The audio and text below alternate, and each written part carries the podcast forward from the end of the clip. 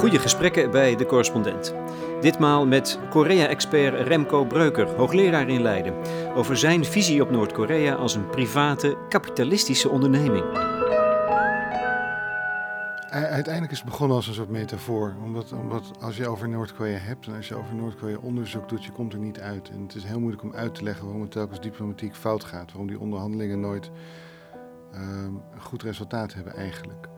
Uh, waarom Noord-Korea doet wat het doet. En zo ben ik langzamerhand die kant uitgegaan. Dat als je kijkt naar wat Noord-Korea echt doet, niet wat het zegt te doen of niet wat anderen zeggen dat het doet, dan zie je dat het eigenlijk om één ding gaat: geld verdienen.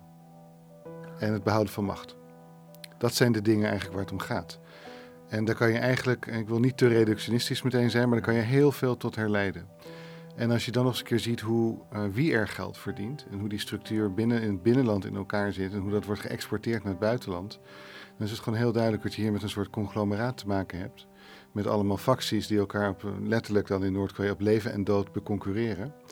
Waar het eigenlijk alleen maar gaat om één ding: zoveel mogelijk geld verdienen. Winstmaximalisatie ten koste van alles en iedereen. En de werknemers, je hebt er 22 miljoen Noord-Koreanen die geen kant uit kunnen. En, die, um, en dit is een, nou, misschien moet ik heel voorzichtig zijn met deze metafoor. Uh, maar ik zie wel enige overeenkomsten tussen de grote bedrijven, de, de chaebo's zoals ze heten, de familieconglomeraten in Zuid-Korea. En hoe die alles aanbieden, al gaat het daar op een veel prettigere manier.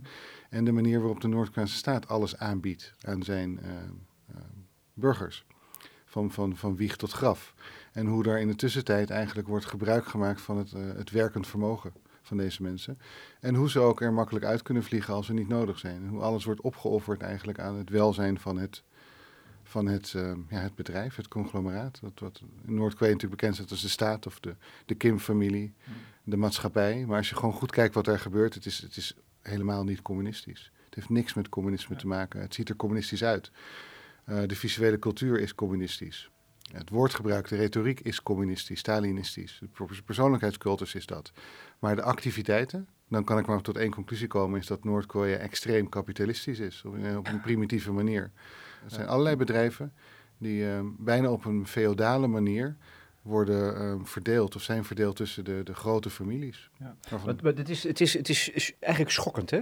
Dit beeld wat je schetst. Want wij zeggen steeds. Ja Stalinistisch. Om ja. het in de hoek van het communisme te drukken als een andere, een totaal andere ja. uh, manier om een, om een staat in te richten. Terwijl als je dit nu zegt, dan komt het veel dichter bij wat wij aan het doen zijn. En dan komt het akelig dicht bij ons eigen ja, nee, systeem. Dat, dat, is zo. Kijk, ik, uh, dat is niet uh, mijn invalshoek geweest in, nee. in eerste instantie. Maar wat ik denk als je het hebt over neoliberalisme, dan is Noord-Korea misschien het beste voorbeeld dat er is. Maar je, je moet even door die buitenkant heen. En Noord-Korea is niet, is niet zo begonnen. Laat ik dat heel duidelijk zeggen. Het is een, uiteindelijk een, een gefaald, uh, een mislukt uh, sociaal experiment. Het is begonnen als een, een, socialistische staat die heel serieus op weg was naar de communistische heilstaat. Onder, ondertussen, onderweg gestruikeld, zoals elke andere socialistische staat. Daar kan je van alles van vinden. Uh, maar Noord-Korea heeft toch een hele bijzondere ontwikkeling doorgemaakt vanaf de late jaren negentig. Um, toen Noord-Koreanen eigenlijk op zichzelf teruggeworpen werden, omdat de staat niet meer kon voorzien in hun behoeften. En dit, dit deel van de analyse is niet controversieel, daar is iedereen het wel zo'n beetje over eens. Burgers moesten voor zichzelf gaan zorgen. Het, het, distributiesysteem klapte in elkaar. Dus wat ga je dan doen? Alles wat je kan. Dan ga je konijnen fokken op je balkon en die ruil je op de markt. Dan ga je groenten telen in je tuin en die, die, ruil je voor iets anders op de markt. Nou, dat is langzaam gegroeid. Dat is één deel. Een, kapitalisme in het beginstadium. En dan heb je wat daarboven is gebeurd. Een hele feodale staat in een kapitalistische omge internationale omgeving. En dat is wel, ik, ik ben natuurlijk net vijf weken in Korea geweest. Ik heb daar met... met in Zuid-Korea dan? In Zuid-Korea, ja, dat is wel even goed om te vermelden. Ja, ja, goed, het is evident, maar... Ja, als hadden we hier niet, had ik hier althans niet gezeten waarschijnlijk. Um, ik heb daar met veel met, met uh, Noord-Koreanen gepraat die, die het regime zijn ontvlucht, ballingen. Uh, een x-aantal daarvan uh, behartigde de financiële affaires, de zaken van, van de staat, van de leider, van verschillende groepen. Ik vroeg ook hoeveel wij nou wisten van die, die, al die activiteiten, de economische activiteiten van, uh, van de staat, van de bedrijven die daaronder hangen. En um, het antwoord was, ik, ik, vroeg, hebben we nou een beetje een idee, want er is een heel dik VN-rapport uitgekomen in maart, juist hierover, waar heel goed onderzoek naar is gedaan. Ze we moeten gewoon een beetje een idee hebben. Het antwoord was, nou, het werd hard gelachen. Nee, jullie hebben geen flauw idee. Misschien 10%, waarschijnlijk minder. Met andere woorden, we kijken nog steeds niet naar wat Noord-Korea doet. Behalve dan als er een raket afgaat of ja. uh, af wordt gelanceerd of een kern. Als afleidingsmanoeuvre zijn het dan ook letterlijk bijna. ja, ook. Ja, zeker. Ja, maar, daar komen we zo meteen nog wel even op terug. Maar we zien niet wat er in, ondertussen echt allemaal gebeurt.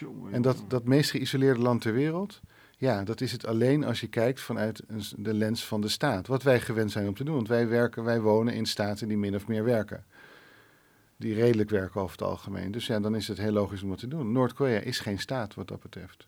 Nou ja, geprivatiseerd zeg je. De staat is geprivatiseerd. Ik dacht opeens, hé, hey, zo gaat Trump toch ook met Amerika om? Ja. Ja, nee, ja. Ik denk, wat dat betreft denk ik ook, als Trump en Kim Jong-un tegenover elkaar aan tafel zitten, dan twee mogelijkheden. Of ze krijgen gigantische ruzie omdat ze zoveel elkaar op elkaar lijken. Of het worden elkaars beste vrienden omdat ze zoveel op elkaar lijken. Het is precies hetzelfde. Het is hetzelfde nepotisme. Het verdelen, het opdelen van de staat en de functies die erbij horen. Ah. Met alle macht en alle resources aan mensen die je kunt vertrouwen. Die je denkt te kunnen vertrouwen, moet ik misschien zeggen. Dat is wat er in Noord-Korea is gebeurd. Dit is echt, dit heeft voor mij iets van de schellen van de ogen. Um, en het is, heeft iets schokkends ook. Even voor de duidelijkheid, het maakt dus uit om vast te stellen dat het niet zeg maar een communistische dictatuur is, maar een, een fascistoïde dictatuur. Dat maakt uit voor de omgang en het beeld. Absoluut. Want je zou zeggen, ja, de, de, het geweld en de repressie en de terreur zijn hetzelfde. Dus wat maakt het uit? Ja, nee, het maakt heel veel uit omdat je met de goede mensen moet praten om tot oplossingen te komen. Ervan uitgaand dat we geen oorlog met Noord-Korea willen. Nou, het lijkt me een goed idee om dat niet te willen. En je moet weten, als je enigszins wilt kunnen onderhandelen, moet je weten wat de tegenpartij echt wil. Ja. En daar gaan we telkens de fout in. Dat, eh, dat doen we nu al twintig jaar lang gewoon helemaal fout. Daarvoor was het anders. En toen zag je ook dat er mogelijkheden waren om overeenkomsten te sluiten. 1994, toen bijna fout ging. Ja. Toen Clinton echt op het punt stond om ehm, de nucleaire faciliteiten van Noord-Korea preventief te bombarderen. Het is net niet gebeurd. En er is een akkoord gekomen. En dat akkoord had dus wellicht echt kunnen werken. Daarna kwam die hongersnood en werd het hele land eigenlijk op zijn kop gezet. Kim Jong-il, die toen nog aan de macht was, dus de vader van de huidige leider, was ervan overtuigd dat hij een laatste uur had geslagen. En dat heeft natuurlijk een enorm invloed gehad ook op de manier waarop hij later is gaan kijken naar hoe hij zijn staat moest, uh, moest leiden. Het heeft ook heel veel invloed gehad op de mensen die hij kon vertrouwen en die hij niet kon vertrouwen. Dat is het moment geweest dat zijn eigen mentor het land heeft verlaten en naar Zuid-Korea is gevlucht in 1997. Omdat hij zeker wist dat de boel in elkaar zou klappen. Het is niet gebeurd, want wat, het, is, het is ongelooflijk ironisch. Zuid-Korea heeft Noord-Korea overeind gehouden met alle voedselleveranties. Oh, ja. Eh, de zogenaamde zonneschijnpolitiek. Wat ik in, in principe een heel een, prachtig idee vind.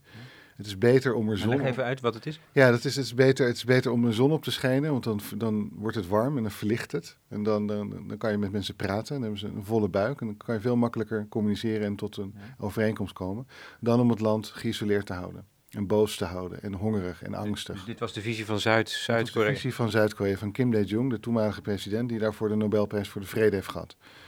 Ehm, wat vaak niet wordt vermeld is dat onder andere de BBC nog moeite heeft gedaan om ook Kim Jong-il daarvoor de Nobelprijs voor de Vrede te bezorgen. ja, nee, het is, er is heel veel mis met onze perceptie van Noord-Korea, denk ik. Maar goed. Ja, dus eh, Zuid-Korea heeft Noord-Korea overeind gehouden. Precies, heeft Noord-Korea overeind gehouden. En dat is ook het moment 2001 dat, dat bijvoorbeeld de Europese Unie en Nederland betrekkingen zijn aangegaan met Noord-Korea. Waarom? Omdat Zuid-Korea dat graag wilde. We moeten Noord-Korea steunen en uit het slijk trekken eigenlijk. Laten zien dat, dat als je een verantwoordelijk lid bent van de samenleving, de internationale samenleving, dat het beter is. In principe heel erg goed. En ik denk dat het inderdaad geprobeerd moest worden. Het is mislukt. Het is volkomen mislukt. Waarom eigenlijk? Waarom is dat niet? Want je zou zeggen, ja, dat is verstandig. Ja, Is het ook, ja. En ik denk met, met elke andere staat was het misschien wel gelukt. Ehm, maar je loopt aan tegen een, uh, een weerbarstig, ehm, zeer getalenteerd persoon als, als Kim Jong-il. Je moet heel erg uitkijken als je dat zegt. Ik denk, bureaucratisch, bestuurlijk was de man een genie. Ehm, en dat houdt niet in dat ik hem ethisch of moreel goedkeur. Ik mm. denk dat het een, zeer verwerpelijk uh, mens was. Maar vergelijkbaar met het talent dat Hitler had voor organisatie. Ja, hij kon, hij kon echt organiseren. Dat, daarom, dat is ook de reden, dat is een vraag die ik heel vaak krijg. Waarom komen Noord-Korea niet in opstand? Ja.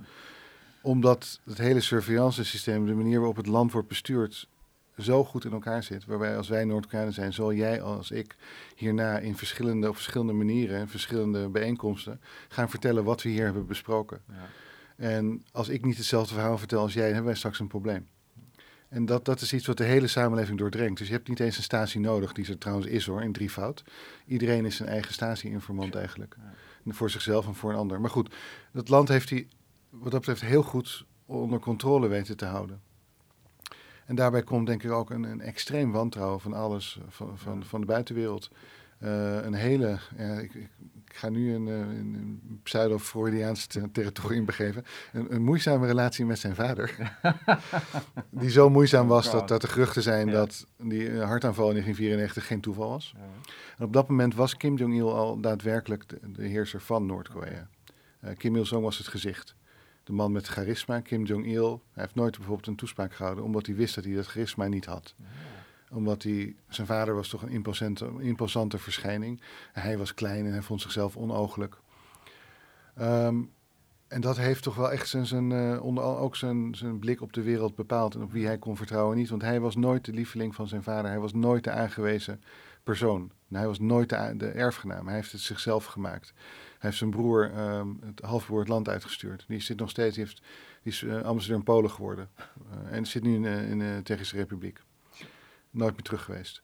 Um, hij heeft langzaam maar zeker alle macht om zich heen vergaard. Bureaucratisch, zonder um, daarbij een koep te hoeven plegen. Nou, het is een koep geweest, de facto, maar hij heeft geen geweren hoeven gebruiken om dat voor elkaar te krijgen. En dat heeft denk ik de garnizoensmentaliteit, die überhaupt in Noord-Korea ziet, wij tegen de wereld, wordt door hem denk ik in extremis vertegenwoordigd. Ook op persoonlijk niveau. En dat maakt het denk ik voor hem onmogelijk om uh, de teugels uit handen te geven. Afgezien daarvan is er zoveel bloed gevloeid, zeker na de hongersnood in de, in de midden jaren negentig, dat op het moment dat dit, dat dit regime de teugels laat vieren, zij de eerste zijn die aan de lantaarnpalen bungelen. En hun gezinnen ook. Nou, dat is een keuze die niemand maakt wat je ook moet doen, dat is iets wat je zult voorkomen. Tot de allerlaatste bittere snik, zoals je die ook in Roemenië hebt gezien, bij andere dictaturen. En ja, de greep van de angst, de terreur, dat is wel vergelijkbaar. Ik wil nog, ik wil nog even terugkomen op de vergelijking met neoliberalisme. Dat is eigenlijk het meest onthullende en. Het sociale experiment mislukte. Hulp van buitenaf stuitte af op de persoonlijkheid van de leider, Kim Jong-il, vader van de huidige leider. En dus sloeg Noord-Korea een nieuwe weg in. Zijn eigen weg, richting kapitalisme volgens neoliberaal model. Ik denk dan, daar hoort een vrij verkeer van kapitaal en arbeid bij. Daar is in Noord-Korea toch geen sprake van. Maar Remco Breuker wijst dan op de 200.000 arbeiders, dwangarbeiders, die namens Korea in het buitenland werkzaam zijn en geld in het laadje brengen. Ehm, de reden dat er zoveel um, arbeiders zijn overzees is omdat Noord-Korea met zijn hele ideologische export, en dit zijn niet arbeiders die gewoon ergens gaan werken en dan terugkomen. Dit zijn arbeiders die in groepen gaan, die een politiek officier bij zich hebben en die de Noord-Koreaanse levensstijl, dus met de zogenaamde, ja, hoe moet je dat zeggen? Uh, de georganiseerde partij, het georganiseerde partijleven. Dus dat je x aantal keer per week, soms per dag, bij elkaar komt en zelfkritiek sessies houdt kritiek voor anderen, uh, wederzijdse kritiek sessies houdt. Um, studieuren hebt om te bestuderen wat Kim Jong-un heeft uh, geschreven. Um, vrijwillige, tussen aanstekens, donaties houdt omdat het paleis voor de, waar de lijken van um, Kim Il-sung en Kim Jong-il liggen een lekkend dak heeft. Dat soort dingen. Dat wordt allemaal meegenomen. En ook al die gebrek aan vrijheid dat je hebt in Noord-Korea wordt ook allemaal geëxporteerd. Die eenheden van arbeiders worden geëxporteerd. En dat werkt ontzettend goed, want ze zijn hoog opgeleid over het algemeen. Zeer ervaren, werken knal en knalhard en kosten helemaal niks. En ze hebben geen vakbond. Wat wil je nog meer? Het is de, de ultieme droom, denk ik, van elke kapitalistische ondernemer die gewoon geen last heeft van een geweten. Om dit soort mensen aan het werk te zetten en te houden. Is dat, want kijk, ik heb in mijn interviews de laatste jaren steeds vaker het woord feodaal gebruikt. Ja. Jij gebruikt het net zelf, gelukkig. Denk van, hé. Hey, nee, ik denk maar, maar, maar, maar dat is dus dus eigenlijk moet je het dan zo zien dat je in de ontwikkelingen van Noord-Korea een spiegel ziet van waar het in onze wereld naartoe zou kunnen gaan. Dat, dat kan heel goed. Ik denk dat het is een mogelijke ontwikkeling. Kijk, we hebben natuurlijk de neiging om Noord-Korea als heel exotisch te zien, als anders en het zijn geen mensen. Ga maar eens echt praten met Noord-Koreanen. En dat kan meestal niet in Noord-Korea zelf. Doe het dan buiten Noord-Korea. Er zijn genoeg vluchtelingen over de hele wereld, ook in Nederland. En wat je zult zien is, het is heel voorspelbaar. Het zijn gewoon mensen zoals jij en ik. Ehm, over het algemeen een ontzettend goed gevoel voor humor. Dat, dat ellende kweekt dat bij sommige, bij, bij sommige mensen blijkt. Zeker bij Noord-Korea die ik ken. En het zijn gewoon mensen. Het, het, en dat is, dat, is belachelijk dat ik dat in 2017 nog steeds hoef, moet zeggen. Ja. En niet alleen over Noord-Korea, er zijn natuurlijk andere groepen waarmee we datzelfde doen. Um, maar wat betekent dat het allemaal een variatie is op, op, op, op de menselijke cultuur. Wij kunnen die kant ook uitgaan, absoluut, dat kan. En, we, en dat betekent niet, en dat is wat veel mensen vaak zien, oh dan worden wij socialistisch of communistisch. Nee, absoluut niet. Ultracapitalistisch, neoliberalistisch. Feodaal. Feodaal.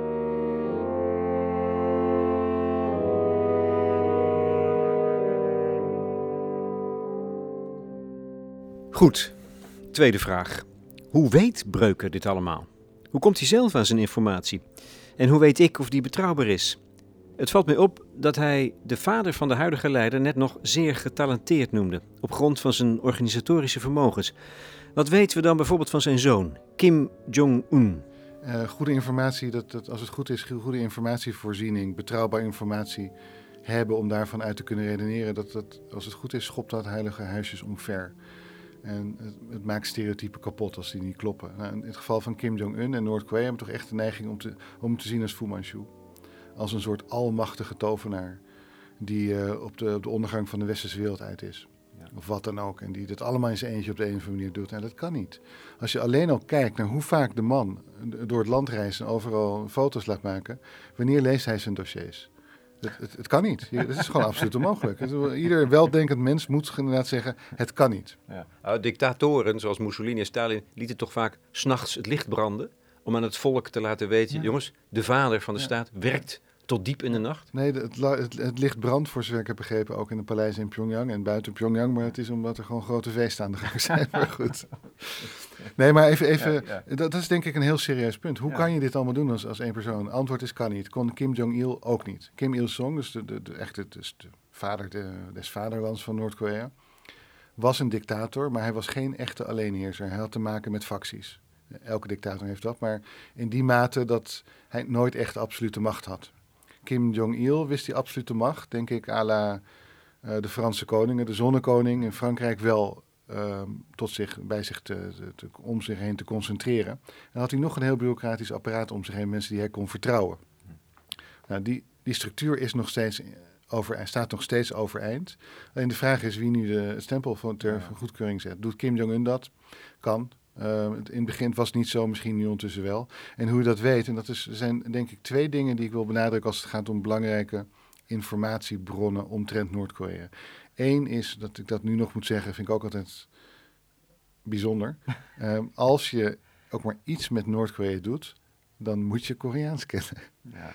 En dat, het, het is ongelooflijk, maar de meeste Noord-Korea-experts kunnen een biertje bestellen en dat is het. En dan houdt het echt op. En ze herkennen de namen van de grote leiders. En dan niet alleen, niet, alleen, niet, niet eens omdat ze Koreaans kunnen lezen, maar omdat het altijd groter en vet gedrukt is in de tekst. En dat is het. Dat kan niet.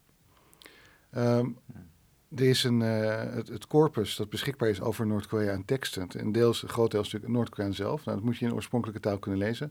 Anders ben je afhankelijk van wat er wordt vertaald in Pyongyang. Ja. Nou ja, ik denk niet dat ik in hoef te gaan op de methodologische moeilijkheden die dat heeft. Als je uitgaat van Engelstalige vertalingen, of Russisch of Frans of Spaans en Chinees geloof ik ook, gemaakt in Pyongyang. Als je de, en dat, dat is even de, de, hoofd, de hoofdstad van, van Noord-Korea. Dat is één ding. En dan is het belangrijkste expertise als het gaat om Noord-Korea, buiten Noord-Korea, zijn Zuid-Koreanen. Waarvan een deel in het Engels publiceert, maar een groot, grootste deel ook niet. Dat moet, daar moet je toegang toe hebben. Dus je moet Koreaans kennen. En ook denk ik, als je gewoon echt zeker wil weten dat je weet waar dingen over gaan, dan moet je met Noord-Koreanen kunnen praten. In hun eigen taal. en dat, kan jij toch? Ja, wel, nee, Vloeiend, neem ik aan. Hè? Nee, uh, mensen hoort altijd wel. Ja, ik, ja, je hebt een accent, maar je spreekt vloeiend nee, Koreaans. Ik, heb, ik heb geen probleem om met Noord-Koreanen in welke con uh, context dan ook te communiceren. Um, dus dat maakt je al een stukje betrouwbaarder. Nou, in ieder geval, de, de, de, informatie die ik gebruik is betrouwbaarder. Wat ik er dan mee doe, is een ander verhaal natuurlijk. Het maakt mij niet betrouwbaarder, ben ik bang. Um, nee, dat, dat ligt weer bij mij. Dat, uh, nee, maar de informatie die ik heb is wel... Um, ja, dat zijn de primaire bronnen. Dat maakt uit, absoluut, ja. Het andere wat je moet doen, denk ik, wat ontzettend belangrijk is... En waar ik de hele tijd ook ehm, heel veel kritiek op krijg, omdat ik dat heel consequent toepas. Neem Noord-Koreanen zelf serieus. Ja. En dan heb ik het voornamelijk over Noord-Koreanen die vrij uit kunnen praten buiten Noord-Korea. Want in Noord-Korea zelf lukt dat niet. En dan heb je het over ballingen. En dat is, uh, dat, is eigenlijk, dat is eigenlijk de allerbelangrijkste bron van informatie die, die jij hebt, of die daarmee die wij hebben, toch? Uh, die, die, die serieus en betrouwbaar is. Absoluut. Uh, om twee redenen. Eén, om de, om de kennis die deze mensen zelf meenemen. De inzichten, de ervaringen van in het systeem te hebben geleefd, gewoond, gewerkt. En ook de, de harde data die ze meenemen. Eh, gesmokkelde databases, gesmokkelde documenten. Dat zijn dingen die allemaal het land uitkomen. Die worden allemaal het land uitgesmokkeld. Je moet er wel toegang toe hebben. Ja, met levensverachting waarschijnlijk. Met je ja. soort doodsverachting moet je misschien hebben. Uh, ja, als je wordt gepakt, heb je een probleem. Maar kijk, als je toegang hebt tot deze materialen, ja, dan zit je al wat hoger in het systeem. En dan is het allemaal weer wat makkelijker om aan. Nou goed. Om maar, op welke schaal gebeurt dat? Die smokkel van informatie, met name naar het buitenland? Een redelijk grote schaal. Ja, ja, ja, we hebben bijvoorbeeld de gemeentelijke basisadministratie van Pyongyang. Die is beschikbaar op een USB-stick. 2 miljoen entries in een Excel-bestand. Het is het Excel-bestand, het is gewoon uh, elke laptop of notebook kapot kan maken. 2,1 miljoen entries. Maar het is er. En dan hoor ik altijd mijn collega's, sommige van mijn collega's, laat ik even eerlijk zijn, zeggen in de media weten niks van Noord-Korea. Mijn reactie is altijd nee, dan moet je maar Koreaans leren. We weten heel veel van Noord-Korea. We weten ook heel veel niet. Dus het is, het, is, geen open land. Die indruk wil ik ook zeker niet, niet wekken. Hm. Maar we weten veel meer dan we denken te weten.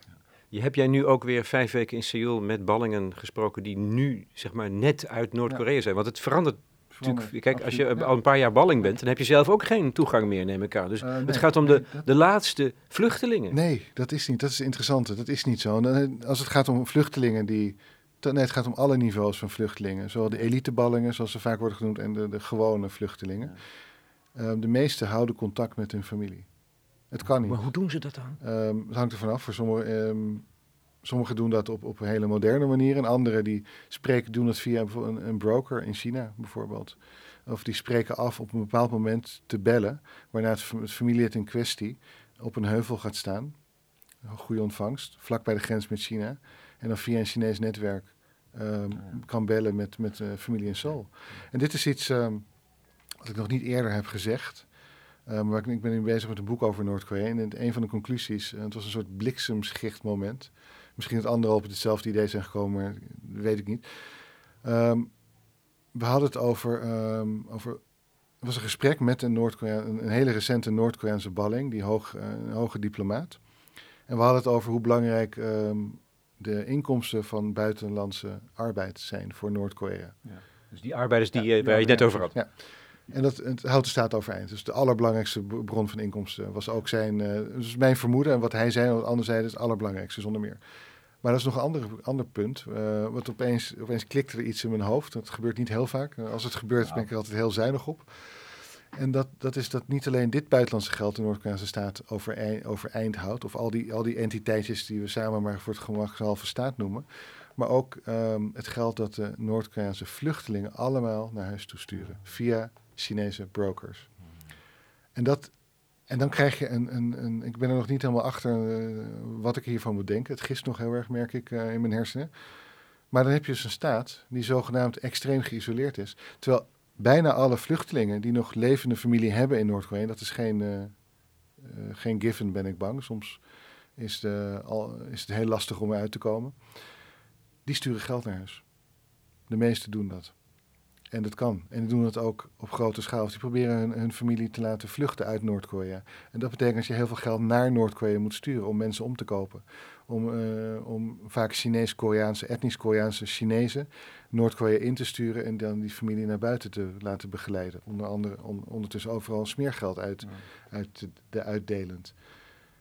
En dan krijg je opeens een, weer een heel ander uh, opvatting van die neoliberalistische, primitief kapitalistische, feodale staat. Die overeind wordt gehouden onder andere door zijn vluchtelingen. Door de en, en dat, en dat en, vervolgd. En dat weet, en dat weet ook? Dus als het ware gedoogd? Of, of dat, is, gaat het dan zo ver? Uh, een van de andere dingen die ik ook van dezezelfde man hoorde, het ging over, uh, het was altijd zo als je, als je een familielid had, dat zeker een gezinslid had, dat vluchtte naar, Noord naar Zuid-Korea, dan had je echt een probleem. Dan werd je onder, onder, onder surveillance gezet, dan kon je worden gearresteerd, ja. kon van alles gebeuren. Um, de repercussies voor familieleden zijn extreem verminderd de laatste vier jaar. Nou, ik, ik, kan niet zeggen dat daar een kausaal verband is. Daar moet ik meer onderzoek naar doen. Ehm, maar het is wel iets wat, waar, ik, waar ik heel nieuwsgierig van word. Dus en dat is een heel lang antwoord om terug te komen op je oorspronkelijke vraag. Ehm, ballingen, alleen recente ballingen hebben contact. Uh, weten hoe het er en toe gaat in Noord-Korea. Nee. Dat is, die contacten worden, worden gewoon gehouden, worden onderhouden. Dat is ook ontzettend belangrijk, want het leven van een Noord-Koreaanse balling, zeker als je geen eliteballing hebt, bent en je hebt geen informatie die je ten gelde kunt maken, die jou aantrekkelijk maakt voor bijvoorbeeld de overheid of voor academici zoals ik of voor journalisten, ja, dan zou je, dan zou je moeten overleven in een samenleving waar je niet voor bent opgevoed. Je bent niet klaar om dat te doen. Dat is ontzettend lastig. En dan is contact met je familie thuis natuurlijk ontzettend belangrijk. Nog één ding eerst. Is alle andere informatie onbetrouwbaar? De New York Times, ik weet niet of je het gezien hebt, uh, publiceerde op 14 augustus een artikel over de herkomst van die nieuwe raketten. Ja.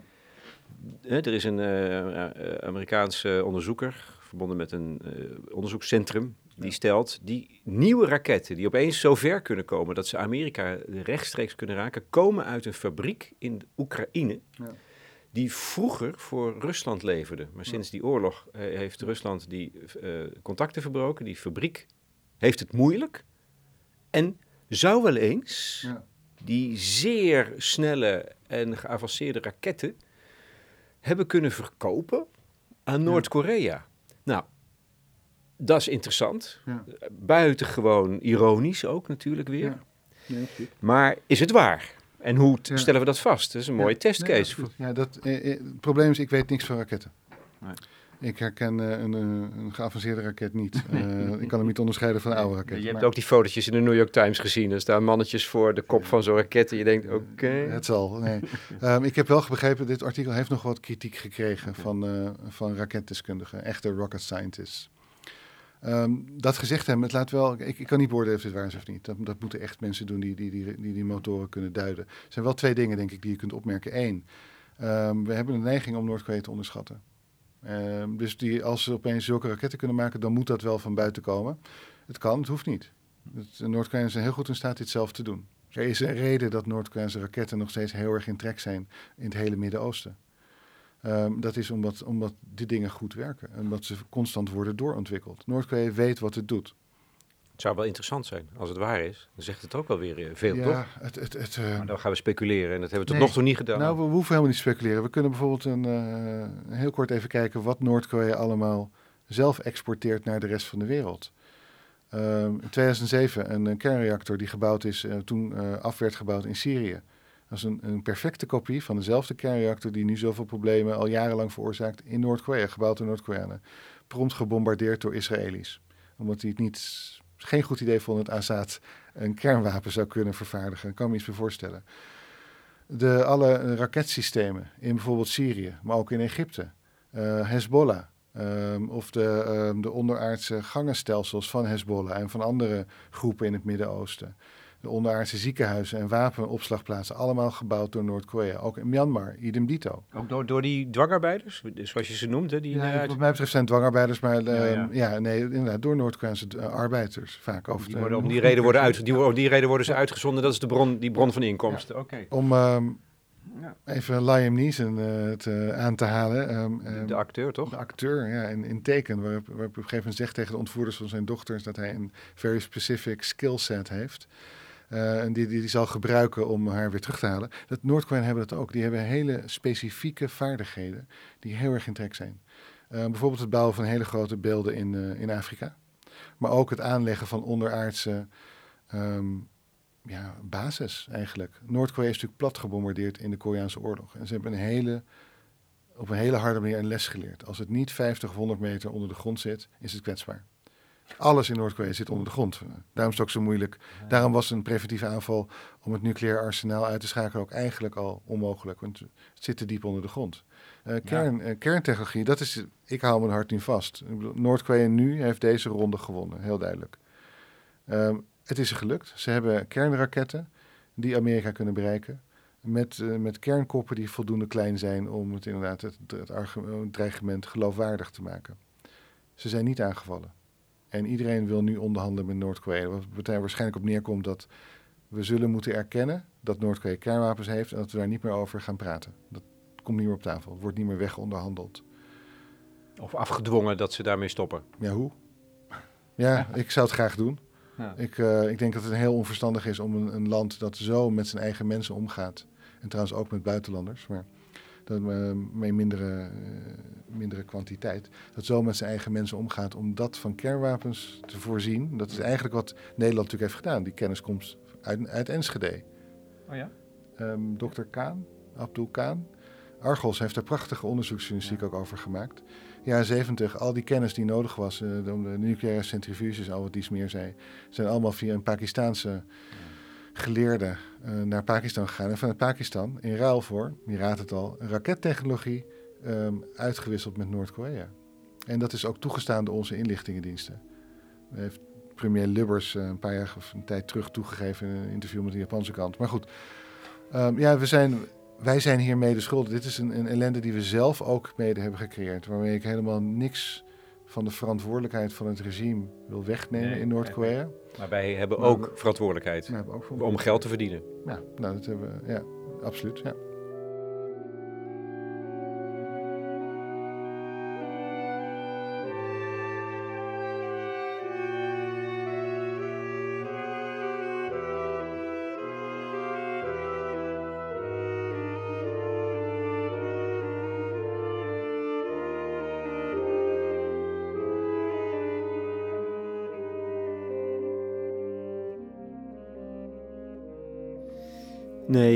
Moeten ze niet onderschatten, de Noord-Koreanen. Ze kunnen meer dan we denken en de ontwikkelingen gaan razendsnel. Die slag hebben ze alvast gewonnen. En dat brengt me bij het derde en laatste onderwerp, de acute oorlogsdreiging. De spanning tussen de VS en Noord-Korea. Hoe ziet Breuker dat? Wat is de intentie van Noord-Korea, denkt hij? En kan de boel uit de hand lopen met catastrofale gevolgen? Nu is het moment gekomen, denk ik. Toen Kim Jong-un aan de macht kwam, heeft hij gezegd dat hij een, een, een soort een Pyongyang wordt het uh, politiek zou gaan uh, uitvoeren. En dat is, betekent letterlijk de, twee sporen beleid. Ene be, beleid, ene, ene spoor was kernwapenontwikkeling. Nou, dat gaat goed. Andere was economische ontwikkeling. Dat gaat minder goed. Ondanks alle verhalen dat je tegenwoordig in Pyongyang een verdomd lekkere cappuccino kunt drinken, gaat het met de rest van het land gewoon niet goed. Um, maar dit is, het moment is nu gekomen waarop de ontwikkeling van de kernwapens kan worden ingezet om de economie te liften, omhoog te liften. Hoe dan? Hoe zou ze in, de onderhandelingen? In de onderhandelingen. Ja. Geef ons meer vrijheid, speelruimte, ja, economie. Ja, we, wij zijn nu op dit punt aangekomen. We, kunnen hoog of laag springen. Wij zijn te, te ver met ons wapenprogramma om nog door jullie geïntimideerd te kunnen worden. Dus bekijk het maar. Als jullie willen zorgen dat de oorlogsdreiging verdwijnt, dan willen we graag dat de sancties verdwijnen. Dan willen we graag verantwoordelijk lid worden van de internationale samenleving. Dus nou, jij denkt dat het daarop uit gaat draaien? Ja. Onderhandelen over economie. Absoluut, dat is, dat is wat Noord-Korea wil. Dat is de hele, de hele intentie van dat programma en de dreiging. En een de... tussenstop. Een tussenstop, ja, denk ik. Um, kijk, er is echt oorlogsdreiging. Dit kan escaleren en het kan ook zeker onbedoeld escaleren. Het is nog mm. steeds het moment... Waarom zou dat kunnen gebeuren door emoties, als er emoties bij komen? Bijvoorbeeld Kijk. door een, uh, een, president die uh, te vroeg wakker wordt en gaat twitteren in, uh, in Washington. Uh, daar is er wel iets meer nodig natuurlijk voordat ja, je dan in een oorlogssituatie zit. Is dat overigens van beide kanten dat het kan gebeuren? Ik denk Noord of, of, denk je toch meer aan de, dat de onbetrouwbaarheid, de irrationaliteit, juist aan de Amerikaanse kant zit? Op dit moment zou je het bijna denken. Al moet ik zeggen dat uh, de minister van Buitenlandse... Nee, de minister ja. van Defensie en... Uh, um, en niet de minister van Buitenlandse Zaken, maar um, ik denk de chief of staff, Kelly is dat, hè? Die twee generaals hebben hun benen wel op de grond staan. Uh, in tegenstelling tot, tot, Trump. Trump is denk ik irrationeel en, uh, onvoorspelbaar. En Pyongyang is doodsbang voor hem. Omdat ze... Ja? En dat is het grote oh, gevaar. Oh, dat vind ik het, waarom zijn ze doodsbang? Nou, dit is iets wat alle recente ballingen die hoog in het regime ja? hebben gezeten zeggen. Ze zijn, en ook trouwens de mensen die al lang weg zijn. Ze zijn doodsbang voor hem. Ze kunnen hem niet voorspellen. Ah. En ze weten niet... Uh, ze kunnen niet daadwerkelijk zeggen of hij niet gek genoeg is om op die knop te drukken. Ja, ja. En bij Obama was het heel duidelijk dat hij dat nooit zou doen. Trump, niemand weet het. En zo, zo kan je die onbedoelde escalatie krijgen, want... Um, maar da, alleen dan, dat is niet, hè, dan, als Kijk, Noord-Korea... Da, maar nee. dat is niet, absoluut niet de intentie nee, of de nee, strategie. Noord-Korea wil geen kernoorlog, want dat verliest het. Duidelijk. Als, als ze, inderdaad, ze willen Amerika kunnen bedreigen. Ze hebben eigenlijk kernwapens waarom je denk ik kernwapens in eerste instantie hebt. Niet om ze te gebruiken, maar om, om ze te kunnen inzetten, om ermee te kunnen dreigen. Om duidelijk te maken dat ze een, een optie zijn. Nou, dat is wat Noord-Korea wil en dat is ook wat het tot nu toe succesvol heeft gedaan. Ze hebben nu het hele Amerikaanse continent zo'n beetje waarschijnlijk binnen schootsafstand. Gaan ze daar echt Guam aanvallen? Nee, natuurlijk niet. Dan is het het einde van Noord-Korea en dat weet Noord-Korea donders goed. Ja. Ehm, het heeft de kernwapens. Het is onaantastbaar.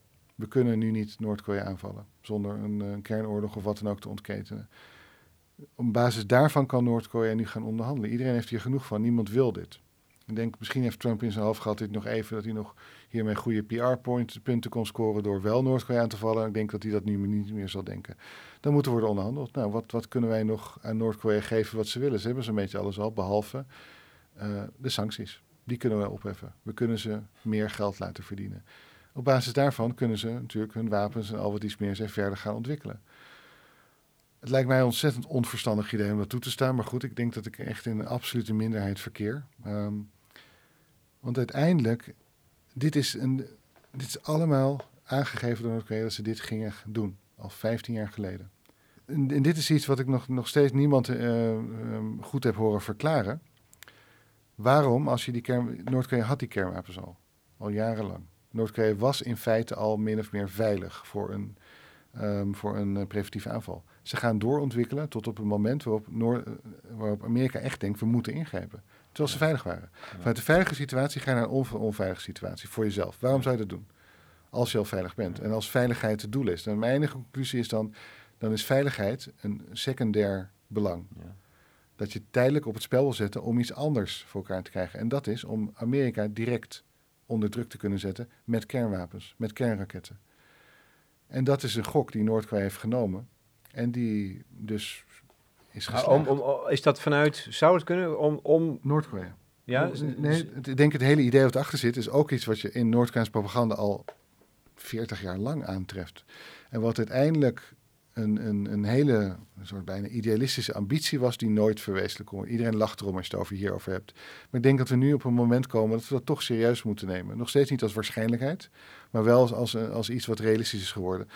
Dat als Noord-Korea inderdaad maar blijft doorontwikkelen om die kernraketten die Amerika kunnen bedreigen uh, te, te, verkrijgen, dat ze hun, hun, ogen hebben op een andere prijs. En die prijs is Zuid-Korea. Wat gebeurt er als Noord-Korea militair Zuid-Korea meer provoceert? En tegen de, het eigenlijk tegen Amerika zegt: Jullie weten waar China staat. Als jullie ons eerst aanvallen, oorlog. Jullie weten ook dat wij jullie kunnen bereiken met onze kernwapens het is jullie keuze. Laat ons het hier regelen met Zuid-Korea zelf. En het kan gewapende hand of niet. Uh, het is aan ons. En daarna, als het allemaal geregeld is, zijn we jullie beste vriend. We willen graag met jullie aan één tafel kunnen zitten. Wat gaat iemand als Trump doen? Ik weet het niet. Ik zou daar niet. Uh, ik ben daar niet gerust over. Maar zeg je nu met zoveel woorden dat ze in staat zijn om Zuid-Korea aan te vallen? Ik weet niet. Oh, Kijk, het, ik, ik, um, dat, dat, een, dat dat een. Strategisch. Dat is een strategisch, het is een strategisch scenario dat, dat, dat al heel lang bestaat, maar dat nooit realistisch was. Het is een stuk realistischer geworden. Speelt het in de achterhoofden van de Noord-Koreaanse planners? Absoluut. Kan Noord-Korea Zuid-Korea in een conventionele straat, strijd aan? Nee, op dit moment niet. Zuid-Koreaans leger is een stuk kleiner, maar een stuk, uh, een stuk beter toegerust. Een stuk gemotiveerder. Um, maar het zou misschien uit en nu nog onwaarschijnlijk, omdat het ook aardsvijanden zijn nu? Ja. Nee? Zou, zou, zou het dat op een andere weg, maar onder de dekmantel van die uh, militaire dreiging, een ander soort akkoord kunnen komen? Dat ze, dus weer, dat ze samen een economische supermacht zouden kunnen gaan vormen? En dat op zich, een hereniging van het Koreaanse schiereiland, denk ik, ben ik absoluut voor. Het, het, het, het land had nooit in twee mogen worden gedeeld. Onder het Noord-Koreaanse systeem, met zijn concentratiekampen, met zijn publieke executies, met zijn martelingen. Absoluut niet. Nee. Het systeem is heel akelig. Het regime is heel akelig. De gemiddelde Noord-Koreaan is dat absoluut niet. Um, en die perceptie bestaat ook in Zuid-Korea. De helft van de bevolking wil geen ellende met Noord-Korea. Die hebben het een beetje gehad ermee. Zijn ook zeker de jongeren. Het kost allemaal veel te veel geld. Laten we gewoon met ze praten. En in principe ben ik er helemaal voor. Maar met, met dit regime, met de track record dat het heeft, ik denk niet dat het, dat het enig soelaas gaat bieden. En daar ben ik wel bang voor. Dat inderdaad onder die nucleaire paraplu die Noord-Korea nu daadwerkelijk heeft gecreëerd, dat er heel veel meer mogelijk is wat vroeger niet mogelijk was. En dat de Zuid-Koreaanse absorptie van Noord-Korea, wat gewoon de afgelopen tien jaar eigenlijk het model was om, te, om naar de toekomst te kijken als er hereniging zou komen, dat dat eigenlijk een beetje van tafel is. Zeker omdat de Zuid-Koreaanse president het vandaag nog heeft gezegd. Nee, wees niet bang, we gaan jullie niet absorberen, willen we niet. Ik denk dat hij dat vijf jaar geleden misschien had moeten zeggen. Ehm, maar nu, ik denk dat het in Pyongyang heel anders over wordt gedacht. Het is andersom. dat uh, zij wel willen. Mooi, dan zijn we dat eens. Wij willen jullie namelijk wel absorberen. absorberen. Wat is nou in jouw ogen, tot slot, Remco Breuker, wat we zouden moeten doen? Ja, ik denk, ik denk het eerste wat je moet doen is um, het, het, klinkt als, als een soort ja, praatje van een slechte motivational speaker. Maar vooral uitgaan van je eigen kracht. Uh, wat we natuurlijk in Nederland en de EU vaak hebben, is ja, we zijn te klein, we kunnen het niet. En de EU heeft geen verenigd buitenlandbeleid, wat moeten wij nou doen? Laat dat maar even. Denk daar maar gewoon even niet aan. En doe gewoon wat, wat Koreanen ook altijd, Zuid-Koreanen altijd hebben gedacht. In het Koreaans Hamyan Denda. Dus als je doet, lukt het wel. En het kan best vertalen misschien met de Nike-slogan: uh, Just do it. En gewoon niet nadenken of het kan, gewoon doen. Nou, kijk waar Zuid-Korea nu is. Dus, um, en dan, we kunnen een militaire optie in Noord-Korea is, van de tafel. Ik denk dat dat, dat kost zo. Dat, dan zijn we zo kwijt. Dat is geen prijs die ik wil betalen. Ik denk dat niemand wil betalen. Uh, Noord-Korea financieel isoleren. En dan echt financieel isoleren. En niet alleen van de, de, de nepsancties die we nu hebben. Um, gooi het land inderdaad, als het gaat, als het gaat om, om, om uh, hard currency, buitenlandse valuta die het land binnenkomen, gooi het land dicht. Zoals je de, de elite um, eigenlijk ja, wat het leven wat lastiger maakt. Ja. Maar ja, dat zou ontwrichtende gevolgen hebben, ook in eerste instantie voor de bevolking. Nee. Toch? Nee, nee. nee die, die, die, die leven al in die situatie. Dat gaat niet slechter worden. Ja. Die, die, die, het zal de handel met China stimuleren van de gemiddelde Noord-Koreaan. Die inderdaad uh, in de trein stapt, naar China gaat, de grenswacht omko omkoopt en een maand later terugkomt met, met goederen die hij weer in Noord-Korea ver, ver, verkoopt. Maar dat betekent ook dat die buitenlanders niet meer, of die, die arbeiders die dwangarbeiders niet meer naar het buitenland gaan. Maar er zijn genoeg landen die dat dan nog steeds willen, want ze hebben een ongelooflijk sterke kennis voor op specifieke terreinen. Absoluut. Nee. Dus het gaat toch niet lukken? Ja, je ja. just do it. Maar nee, precies, doe het nou maar gewoon. Begin, we beginnen met de EU. Want we vergeten telkens dat eigenlijk Noord-Korea, zoals het nu wordt bestuurd, door al die, eigenlijk die, die, die familieconglomeraatjes, um, tegen alles ingaat waar de EU voor staat. Dan ben ik helemaal niet voor een soort imperialistische manier van het verspreiden van mensenrechten. Maar als het gaat om uh, de aanwezigheid van concentratiekampen, waarin mensen, en dat is, het zijn geen vernietigingskampen zoals, zoals in Nazi-Duitsland had. Het zijn echte, het zijn kampen waar je inkomt, waar je van je menselijkheid wordt gestript. Er is ook geen propaganda in die kampen. Waarom? Omdat ratten geef je, uh, onderwijs je ook niet in, in de leer van, van Kim Jong-il. Dat is niet nodig. Ze houden je zo lang mogelijk in leven om zoveel mogelijk arbeid uit je lijf te persen. In de mijnen bijvoorbeeld. En die mineralen, het uranium, dat kool, dat gebruiken wij. Dat wordt via China weer geëxporteerd. Dat ding, is denk ik iets waar je. Het lijkt me heel moeilijk om daar gewoon niet een ethische discussie over te hebben. Dus het is geen discussie wat mij betreft. Maar goed, dat soort dingen moet je, moet je stoppen. We kunnen en dat, kan, en dat, zal, dat zou effect hebben. Ja, dat, dat is een van de dingen. Maar uiteindelijk waar het om gaat, denk ik, Noord-Korea is van Noord-Koreanen. Dat is ook weer iets wat je in 2017 misschien niet hoeft te zeggen. Laat het vooral aan Noord-Koreanen zelf over, maar steun het regime niet in het onderdrukken van de eigen mensen. Steun de ballingen die allemaal contacten hebben binnen Noord-Korea zelf. Steun die, die, kleine handelaartjes die de grens met China overgaan, soms dagelijks. Geef die microkredieten. Zorg dat er een, soort, een, een echt een soort tegenkracht voor dat, voor dat systeem komt in de vorm van de markthandelaartjes. Dat is gewoon het enige wat je kan doen, kan doen. Of het beste. Ja, het andere is dat we Noord-Korea erkennen als een volwaardige partner in de internationale gemeenschap. En denken, ja, concentratiekampen, dat moet in die cultuur kunnen. Ze vinden het niet erg, anders komen ze wel in opstand. Ja, dat, dat, dat kan ik niet. Ik vind dat, daar kan ik niet aan voorbij gaan. Ik vind ook, dat vind ik uh, niet juist. Het is heel, uh, heel erg niet academisch. En tegelijkertijd denk ik ook heel erg wel academisch om, om dat soort morele ja, oordelen het gewoon dan maar toch wel te vellen. Um, ik denk dat je als je inderdaad praat met Noord-Koreanen, en zeker als je dat in, in hun eigen taal doet, maar zelfs door middel van tolken, dat je erachter komt dat, dat, dat heel veel te delen is. En dat, er gewoon, en dat het gewoon duidelijk is dat er mensen zijn die daar extreem misbruik van maken. Met een heel goed uitgedacht en heel goed uitgevoerd systeem.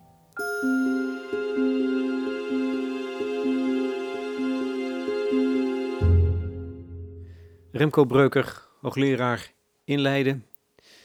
Voor de afdeling Azië-studies. In gesprek met Lex Bolmeijer voor de correspondent. Laat een reactie achter, een recensie bij iTunes als u via dat kanaal luistert. Of discussieer mee in het forum